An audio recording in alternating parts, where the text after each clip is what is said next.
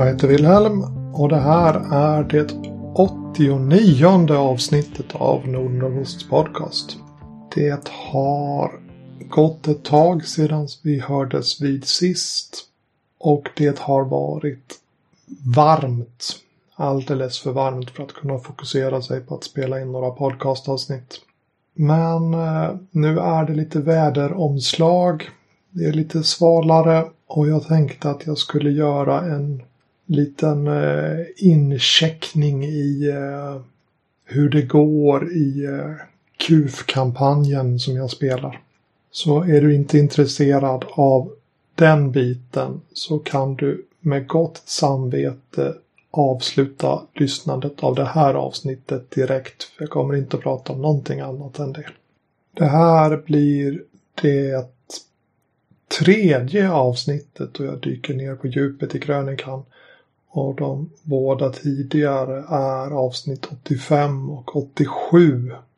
Och vad gäller detaljerna om vad som har hänt från spelarnas perspektiv så finns det en ganska omfattande krönika på rollspel.nu som jag har länkat i show notes. Men just nu så är vi så långt komna att vi har spelat 12 spelmöten plus två möten av eh, förberedelser eller Session Zero som det kallas. Och i faktiskt spelad tid så motsvarar det ungefär 30 timmar för oss. Det har gått tre månader i eh, spelvärldens tid och ur eh, själva spelets perspektiv så är de inne på sin fjärde cykel. QF är ju indelat i cykler där rollpersonerna utforskar världen, konfronterar faror och återhämtar sig. Och nu är vi då på den fjärde. Kampanjen är en, eh, en sandlåda. Eller möjligen en fisktank, lite grann beroende på var vi tar gränsen. Men rollpersonerna är studenter i den ryskliknande staden Rechnojgorod och de eh, började med att försöka komma en bibelstudiegrupp in på livet. De hade hört att det var något speciellt med den här gruppen och det visade ju sig att eh, den här eh, gruppen har en del fuffens för sig på vinden till församlingshemmet. De eh, håller på och laborerar med magiska ritualer och när rollpersonerna deltog i sin första sådan så gick någonting väldigt, väldigt fel. Och en av deras nya kamrater, en av eh, deltagarna i bibelstudiegruppen blev eh, bortrövad av ett fruktansvärt monster. Och om det första målet i, som rollpersonerna eller som spelarna hade satt sig för var att komma in i bibelstudiegruppen så fick de här ett andra mål. Att rädda Sonja. Och deras eh, efterforskningar ledde de på spåret till en grupp konstnärer som har en eh, gammal fabrikslokal ute i industriområdet som bas där de bedriver eh, studiecirkelverksamhet eller håller kurser i måleri. Men också verkade ha någonting, eh, någon sorts koppling till det där monstret som hade rövat bort Sonja.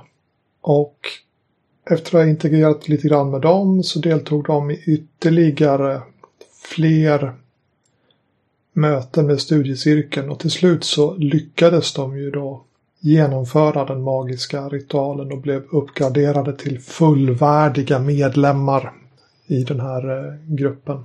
Det vill säga de hade nått sitt första mål och de eh, kunde nu fokusera på sitt andra mål att rädda Sonja. Och som ni kanske då har läst i krönikan så följde de med konstnärerna ut på landet till deras eh, dacha eller sommarstuga mitt i smällkalla vintern. Där det visade sig att även konstnärerna håller på att experimentera med magi, mystiska droger och på ena eller andra viset så fördes rollpersonerna över till en annan värld. Ett väldigt träsk och en väldig stepp. Där de irrade runt en tag och så småningom också stötte på monstret som hade rövat bort Sonja.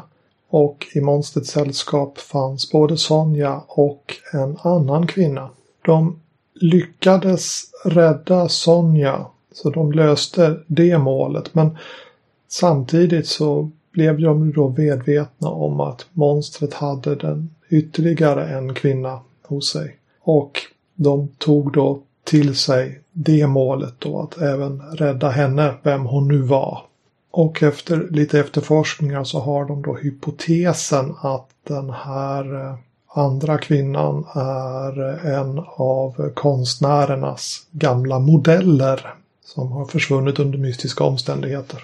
Och när de börjar nysta i det där så visar det sig att eh, både att konstnärernas nya modell har försvunnit även hon. Och de hittar eh, också en eh, tom burk som har innehållit den typ av droger som de tog ute i sommarstället för att ta sig igenom barriären till den andra världen.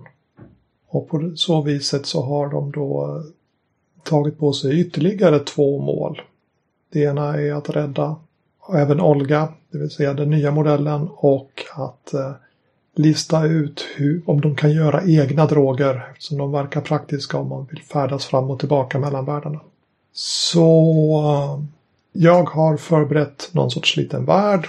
Spelarna har gjort sig rollpersoner och de utsåg sitt första mål, att ta sig in i bibelstudiegruppen. Och i takt med att de spelar så identifierar de nya mål och lägger på så vis eh, rälsen framför sig själva. Jag har förberett så lite som möjligt men de eh, bitarna som de med sina mål signalerar att det här tycker vi är spännande. De bitarna förbereder jag. Då är det nog så att jag behöver göra lite förberedelser för det här. Det första målet, att rädda Lydia, den eh, första modellen, så kan jag bara kryssa vidare på de gamla förberedelserna. Det vill säga, när vi pratade sist så hade jag gjort en tabell för att kunna generera platser i den här, det som kallas mögelvärlden. Men eh, när de först trillade över dit och jag började slå på tabellerna i realtid medan spelarna tittade så insåg jag att det tog alldeles för lång tid. Så mellan två spelmöten så satte jag mig ner med mina tabeller och slog fram en karta som sträckte sig någon dagsmarsch åt varje håll. Så att jag bara skulle kunna rulla vidare med den. Och där finns ju också då slumpmötestabeller där de kan hitta igen det här monstret. Så för den biten behöver jag nog inte förbereda någonting mer. Inte just nu i alla fall. Sen har de målet att hitta Olga. Och även där kan jag köra vidare på de befintliga förberedelserna. Olga är eh, naturligtvis bortrövad eller hålls dold av eh, konstnärsgruppen. Och de har jag förberett sedan tidigare. Sedan var det det där med att göra egna droger och de har en tom medicinburk som eh, enda ledtråd. Men att göra efterforskningar av det slaget är huvudsakligen någonting som görs i återhämtningsfasen. Och just nu så är de fortfarande utforskning så att det är inte akut för mig att ta tag i det där. De har signalerat att det är ett håll de är på väg åt och nästa gång jag sätter mig och förbereder ordentligt så kanske jag börjar titta på det. Men det är inte bråttom egentligen. Och sedan har spelarna också lite försiktigt börjat ifrågasätta hur det här medlemskapet i bibelstudiegruppens innersta krets påverkar dem. Är det verkligen så hälsosamt att vara med i den där gruppen? Det verkar ju påverka deras sinnen ganska påtagligt. Än så länge så har spelarna inte sagt att det är ett mål att ta sig fri från gruppen. Men det kanske utvecklar sig till att bli det. Så att jag har det lite grann i bakhuvudet.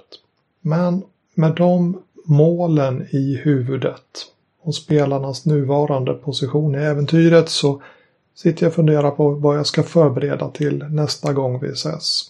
Och det är nog faktiskt så att de har eh, retat upp konstnärskollektivet som ska göra någon sorts angrepp eller konfrontation med dem. Och det kanske blir eh, nästa konfrontation som leder in i en återhämtning som sen kommer att öppna upp framtiden. Eller så visar det sig att deras nästa möte med bibelstudiegruppen tar en oväntad vändning. Än så länge så verkar det bara som de ska dit och äta mat och genomföra lite ritual som vanligt. Men vem vet vad som händer? Och där befinner vi oss just nu i vår kampanj. Jag har ställt en fråga i Facebookgruppen om eh, vad jag borde prata om. Ifall det är någon som har några frågor. Är det någon som eh, sitter nu och undrar över någonting så går det naturligtvis att dyka in i Facebookgruppen och hitta i tråden och ställa sina frågor där. Annars så hörs vi säkert snart igen.